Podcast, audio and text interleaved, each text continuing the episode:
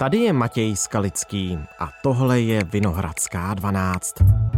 Chudší země mají dostávat peníze na zmírnění důsledků oteplování planety. Pomoc je součástí závěrečného prohlášení klimatické konference COP27 v Egyptě. Místo předseda Evropské komise Franz Timmermans výsledek konference kritizuje jako nedostatečný. Dohoda prý nenutí velké znečišťovatele, aby se snažili emise rychle snižovat. Rozporuplné reakce, na jedné straně neskrývané zklamání, na druhé aspoň částečně radost z historického úspěchu. A tak se ptám, změní se světový boj proti klimatickým změnám po samitu v Egyptě? Odpovídá Ondráš Přibyla z projektu Fakta o klimatu.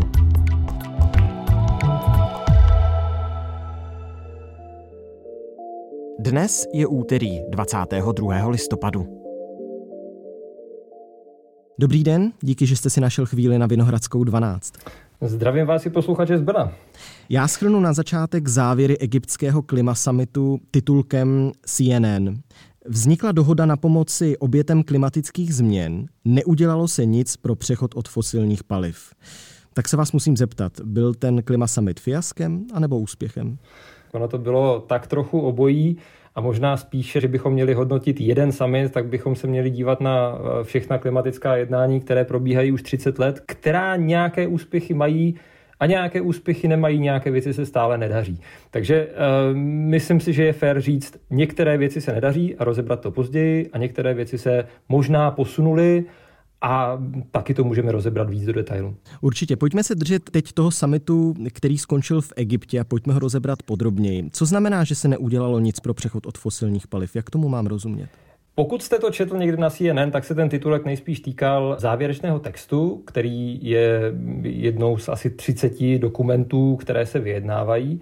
A ten závěrečný text poměrně kopíruje text, který byl minulý rok v Glasgow. Vlastně používá stejná slova a například se vyhýbá nějakému tvrzení, že by se státy měly snažit o úplný face out fosilních paliv. Jasná kontrola nad těžbou uhlí není v tomto textu. Jasný závazek postupně přestat používat všechna fosilní paliva není v tomto textu. Vyjádřil se na konferenci COP27 britský vyjednavač Alok Sharma. A myslím si, že to je jedna z těch věcí, která se nepodařila posunout, že tedy není silnější zhoda mezinárodní na tom, že by se mělo přestat spalovat fosilní paliva a to všechna a rychle. A stále se tam hledají nějaké kličky, jak tam nechávat otevřené nějaké prostory pro to, aby se dala spalovat například ropa nebo uhlí, když bude opatřeno zařízením na zachytávání uhlíku. A týká se to jak uhlí, tak té ropy? Není problém právě v tom, že některé státy mluví jenom o uhlí, některé vůbec neřeší ropu, některé řeší jenom omezování těžby, nemluví o tom finálním konci? Ten problém si myslím, že spočívá v tom, že přestože máme vlastně docela silnou krizovou situaci, tak používáme poměrně nerozhodná a slabá slova v rámci těch mezinárodních jednání a v rámci těch dohod. Takže na jednu stranu bych řekl, hele, není to problém, protože to zásadní, co se bude dít, se bude dít v těch jednotlivých státech. Třeba Evropská unie se o zastavení těžby a používání uhlí a ropy velmi dobře snaží. Ale zároveň to problém trošku je, právě proto, že se vlastně nedaří na té diplomatické rovině, eh, na té mezinárodní diplomatické rovině, použít mnohem rozhodnější jazyk, který by byl potom silnějším signálem i pro firmy a který by mohl být více závazný. Ještě jiná věc, která se děje, krom toho společného rozhodnutí těch zhruba 200 států, se dějí e, bilaterální dohody, tedy vlastně přímé dohody mezi například Jihoafrickou republikou a rozvinutými státy Velkou Británií USA. Nebo podobné dohody se teď rozjíždějí s Indonésií. A tam se mluví velmi konkrétně o plánech na uhelný phase-out a o podpoře tady těchto chudších zemí v tom, aby jejich rozvoj neprobíhal tou fosilní cestou, ale aby šel jinou cestou. A tady ty bilaterální dohody si myslím, že jsou mnohem konkrétnější a že se daří přece jenom lépe, než najít zhodu mezi 200 státy, mezi kterými jsou i státy závislé na vývozu ropy. Tedy možná ta cesta pro další roky a další mezinárodní jednání bude víc v těch bilaterálních dohodách, než ve snaze najít silnější jazyk v tom společném vyjádření. Podle některých médií razantní omezení využívání fosilních paliv při konferenci v Egyptě blokovalo několik států. Jak píše CNN, patřila mezi ně Saudská Arábie a Čína. Článek Euronews zmiňuje taky Rusko a The Guardian uvádí, že se mohly přidat i další státy v Perském zálivu. Äh, das ist äh, auch frustrierend, aber Hoffnung gibt. The fact that we had made historic progress on a loss and damage fund but they were incredibly disappointed as well that we hadn't managed to make more progress on uh, mitigation. No a proč se celý svět nemůže shodnout na tom, že za deset let prostě nebudeme těžit ani uh, dál používat, já nevím, ropu a uhlí? Ta odpověď bude mít dvě úrovně. A jedna jsou ty mezinárodní jednání, kde některé státy jsou skutečně závislé na vývozu fosilních paliv a jiné státy naopak proto, aby se rozvíjely, budou potřebovat fosilní paliva. A ta druhá odpověď je trochu technologická a ta spočívá v tom, že za deset let budou i v Evropě potřeba fosilní paliva, ale v mnohem menší míře než dnes. Když bych to řekl na příkladu elektráren, tak v dnešní době fosilní elektrárny, to znamená elektrárny na uhlí a plyn, jedou prakticky bez zastávky a jenom v některých okamžicích mírně snižují výkon. Ale když se posuneme do roku 2030, tak ten realistický výhled je, že ty elektrárny eh, na uhlí nebo na plyn budou v letních měsících stát a čekat pouze na okamžiky, když by náhodou nesvítilo slunce a nefoukal vítr. A v zimních měsících možná pojedou na malou část svého výkonu a budou připraveny jako záloha pro chvíle, kdyby nebylo dost elektřiny z větru. Tedy vlastně i technologicky je fér říct, že v nějakém malém množství budou i v rozvinutých státech potřeba fosilní paliva i někdy po roce 2030, ale ve výrazně menším množství, než ve kterém je používáme teď. Rozumím tomu. Pojďme teď k tomu druhému bodu, který mě zajímá stran egyptského klima summitu, a totiž ta dohoda eh, na vzniku jakéhosi speciálního fondu pro zranitelné země, pro ty oběti klimatických změn. V čem to má spočívat? To téma, kterého se tento fond týká, se nazývá loss and damage, neboli ztráty a škody. A dal by se přirovnat k nějaké pojišťovně, která by pomohla řešit ztráty a škody způsobené klimatickou změnou, což můžou být extrémní hurikány, můžou to být velké povodně, můžou to být sucha nebo velké neúrody. A takovýto fond, takováto pojišťovna by měla vzniknout pro země, které sami žádné silné pojištění nemají. Vlastně pro chudé země, zejména africké nebo ostrovy v Karibiku nebo Jižní Asii, eh, Jižní Amerika. O takovémto fondu nebo o nějakém mechanismu, ve kterém by mohly chudé země dostávat nějakou pomoc na řešení ztrát a škod, se mluví již docela dlouho, ale až nyní v Egyptě se povedlo udělat nějaký průlom v dohodě, ke kterému přispěla mimo jiné právě Evropská unie, která řekla, že do takovéhoto fondu se odhodlá přispívat a že souhlasí s nějakým jeho založením. To znamená, že to může být vlastně i úspěch té české mise, která zastupovala jako předsednická země Evropskou unii. Troufám si tvrdit, že ano. Myslím si, že tam může být souvislost i s tou českou misí. Dvě stovky zemí schválili vznik speciálního fondu, který bude méně rozvinutým státům kompenzovat škody způsobené změnou klimatu. Peníze by mohly využít na změnění dopadů oteplování země, jako jsou stále častější sucha, vznik pouští, záplavy a bouře i stoupající hladina moří. Vznik fondu ocenil generální tajemník OSN Antonio Guterres. Clearly, this will not be enough, but it is a much needed political signal to rebuild broken trust. Je ale třeba ještě hodně věcí dořešit, například kdo konkrétně a kolik bude do fondu platit, které země budou mít na peníze nárok a kolik by vůbec mohly dostat. A pokud bude Evropská unie přispívat, tak jaké další státy budou přispívat? Asi předpokládám hlavně ty bohaté. Měly by přispívat zejména bohaté státy, mluví se o tom, že by měly přispívat i bohaté firmy, ale ten mechanismus je zatím docela nejasný řekněme, nějaký morální argument, proč by něco takového mělo vzniknout, je vlastně jasný a dlouho se o něm ví. Prostě když vytopíte souseda a způsobíte mu škodu, tak byste mu měli tu škodu zaplatit a nebo byste měli být pojištění. Klimatická změna byla způsobena spalováním ropy, plynu a uhlí v rozvinutých zemích, ale ty škody jsou daleko nejvíce v chudých zemích. Doplácejí na ně lidé v chudých zemích. Takže ten morální argument, proč by se něco takového mělo dělat, je poměrně jasný a těžko se dá říkat, hele, my to platit nebudem, my jsme to nespůsobili. Právě proto, že to ty rozvinuté země způsobily. Na druhé straně to, co není jasné, je právě ten mechanismus. Kdo má kolik přispívat, jakým způsobem to bude, jestli to bude fond, který bude zcela mezinárodní, nebo jestli se budou postupně řešit nějaké regiony, takže například vznikne menší fond pro pacifické ostrovy, menší fond pro země subsaharské Afriky. A taky není jasné, jakým způsobem se budou ty peníze alokovat, tak aby rozvinuté země měly záruku, že když dávají nějaké peníze, tak ty peníze skutečně přispějí na řešení ztrát a škod a nepůjdou do kapes diktátorů v těch zemích.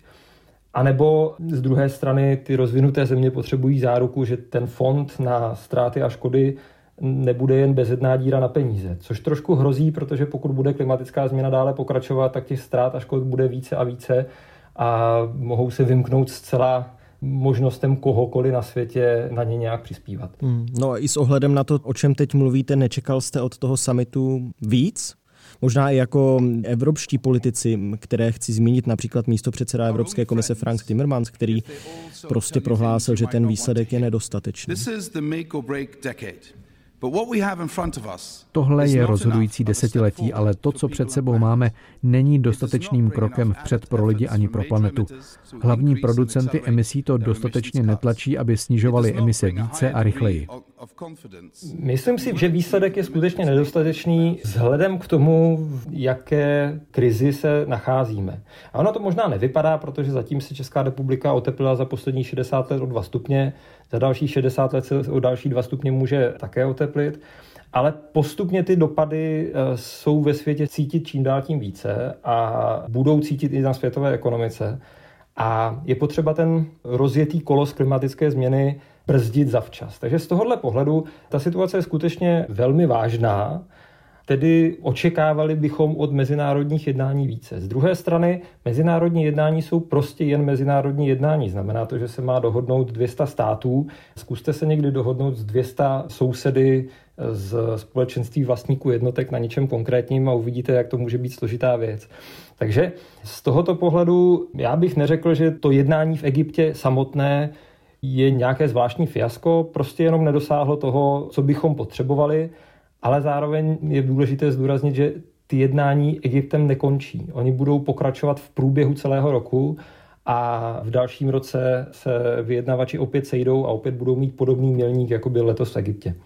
No a byly na stole i nějaké ambicioznější návrhy nebo... Celý ten summit vyjednával o více než 30 dokumentech, které se týkají zemědělství, které se týkají tržních mechanismů pro obchodování s emisemi, které je potřeba celosvětově nastavit. Vyjednávalo se o cílech pro adaptace a zároveň se vyjednávaly ty bilaterální jednání tedy mezi jednotlivými státy a zároveň se pokračovalo v dokončování nějakých dohod, které začaly na minulém summitu v Glasgow. A tak trochu není v kapacitách jednoho člověka usledovat všechny tyto eh, dokumenty a udělat si pořádek v tom, kde se něco posunulo významně a kde se neposunulo. A ani jaké konkrétní návrhy byly na stole. Co jsem se díval já na nějaké detaily, tak se posouvaly jednání právě s Jižní Afrikou a s Indonésií ohledně uhelného phaseoutu. Myslím si, že na tržních mechanismech pro obchodování s emisemi, tak tam zůstaly nějaké zablokované témata ztráty a škody, to jsme komentovali. Budu se asi dále dívat na další části dokumentů a to, co se v nich povedlo vyjednat. Damage across much of Pakistan Roads, homes and businesses remain underwater in some areas. Dopady klimatické změny jsou v Alpách zřetelné z vesmíru. Hadrianův val, jedna z nejznámějších památek v Británii, skoro 2000 let odolával nájezdníkům a času.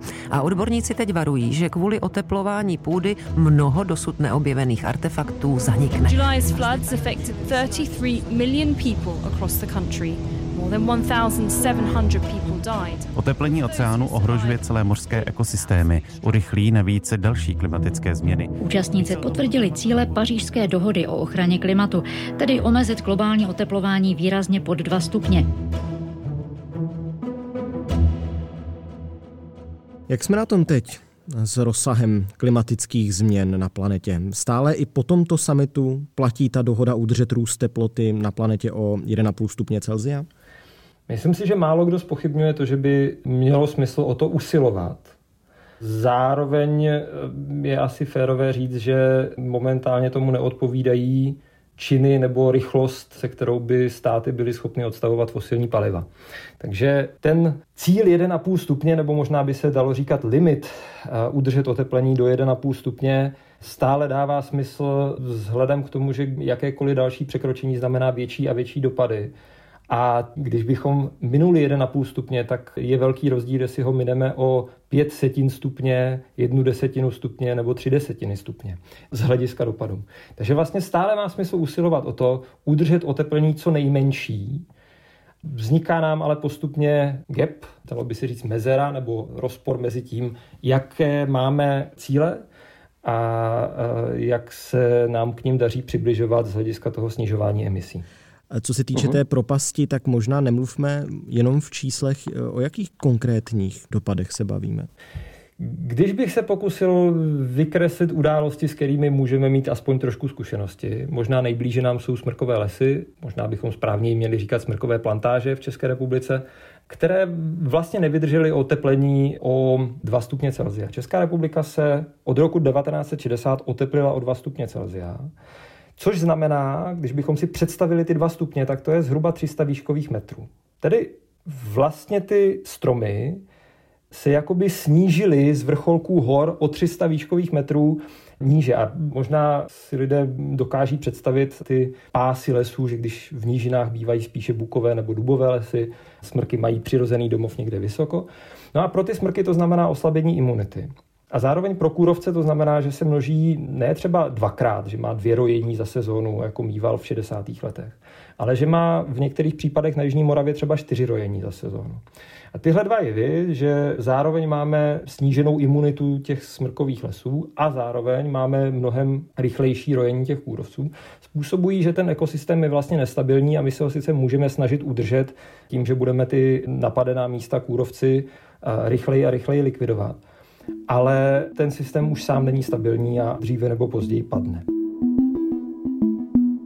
Město Polička ve svých lesích těží rekordní množství dřeva. Je to kvůli tomu, že stromy jsou napadené kůrovcem. Pokud bychom káceli tempem roku 2021, tak budou naše lesy vykácený za pouhých 15 let. Nejhorší situace je teď v okolí hory Bor, nedaleko obce Machov. Potvrdil to českému rozhlasu správce lesů Luboš Binar. Vykácíme, odjdeme, no a za dva dny se tam vrátíme a už zase tam jsou hnědý pilíny nebo navrtaný nový čerstvý závrhy, tak zase pokračuje furt dál. No. Ty pilínky jsou drtinky, které vlastně vykousal sameček, který se snaží eh, vykousat snubní komorku a zvát samičky.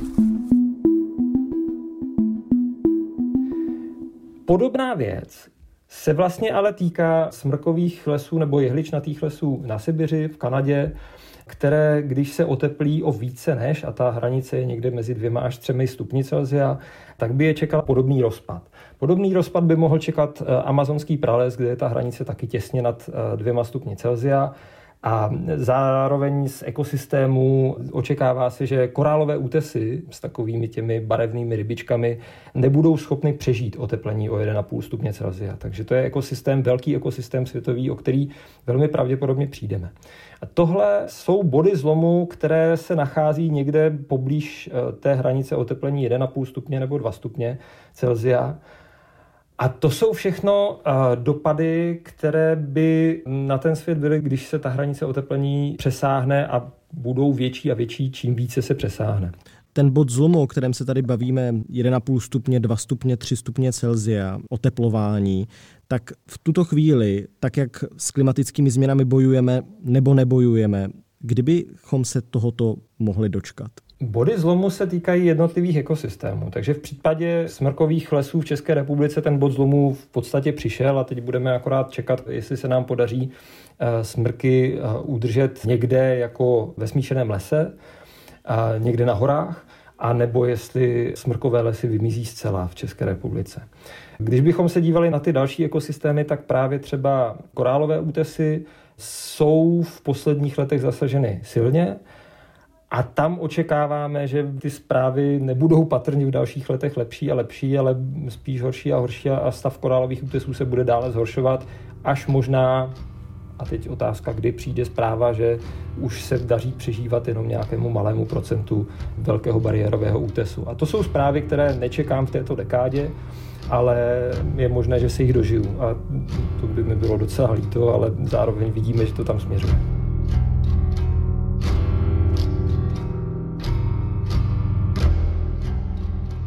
Tak jak by ten svět mohl v roce 2050 třeba vypadat? To taky dost záleží na tom, jak se nám podaří jako lidstvu přestat spalovat fosilní paliva. Takový dobrý scénář je, že by se mohlo podařit někdy kolem roku 2050 dosáhnout uhlíkové neutrality, tedy přestat přidávat oxid uhličitý a další skleníkové plyny do atmosféry.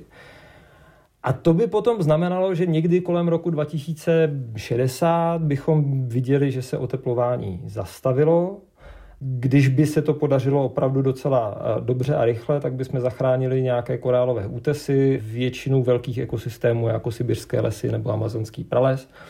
Dopady by sice pokračovaly, řekněme, v podobné intenzitě nebo o něco větší intenzitě, jako je máme teď, tedy vlny veder by přicházely a byly by silné, neúrody způsobené právě třeba velkým suchem by přicházely a byly by zhruba stejně silné, jako jsou teď. Ale další generace by už neměly výrazně horší svět, než ve kterém žijeme my. Ty horší scénáře vedou k oteplení někam okolo 2, 2,5 stupně Celzia do konce století. To už je samozřejmě svět, ve kterém si nemůžeme být jistí, že se neproměnil amazonský prales v savanu a nemůžeme si být jistí, že rozloha severských jeličnatých lesů zůstala taková, jaká je dnes. A já bych možná, když bychom se vrátili zpátky k jedné z těch prvních otázek, které jsem dnes měl, tak svět se teď snaží, nebo určité země se snaží, aby jsme k uhlíkové neutrality dospěli co nejrychleji, ale e, zatím se to nedaří. To znamená, abychom si byli jistí, že vlastně tady těch katastrofických scénářů se vyvarujeme. Chápu to správně. Já myslím, že ano. A vlastně bych možná dodal, že některým zemím už se uhlíkové neutrality podařilo dosáhnout. Příkladem může být takový Bhutan, který se občas dává i jako příklad země, ve které je velká spokojenost obyvatel. Ale těm zemím, a to je to, co říkáte, těm zemím, které vypouští velká množství fosilních paliv, Spojené státy americké, Čína, Evropská unie, vlastně to jsou částečně ty státy, ve kterých je hodně obyvatel, částečně ty státy, které se hodně rozvinuly cestou těch fosilních paliv, tak těm se daří snižovat jen velmi pomalu a tím pádem nejsme na trajektorii, která by momentálně vedla k tomu oteplení o 1,5 stupně. Když bychom byli velmi optimističtí, tak se dostáváme při současných polisy, tedy při současných opatřeních, bychom směřovali v tom optimistickém případě někam zhruba k těm dvěma stupňům Celsia oteplení. Nelichotivé závěry, ale já se musím ještě krátce zeptat. Objevila se informace, že Česko zvažuje pořadatelství jednoho z příštích klima summitů agentuře Reuters, to řekl vládní zmocněnec pro mezinárodní jednání o životním prostředí Jan Dusík. Co by to pro Česko znamenalo? Jaká je to informace?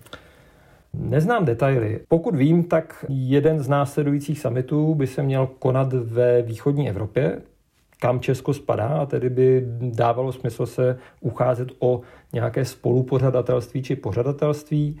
Asi by to znamenalo, že v Česku tato agenda, tedy klimatické změny a zejména transformace společnosti, tak aby se klimatická změna podařila zastavit, že by se v Česku tato agenda dostala mnohem výše do priorit, což by asi bylo docela vhodné a politici by už nemohli se zmiňovat jenom o tom, že máme rádi přírodu, ale museli by se k tomu nějak konkrétně i postavit.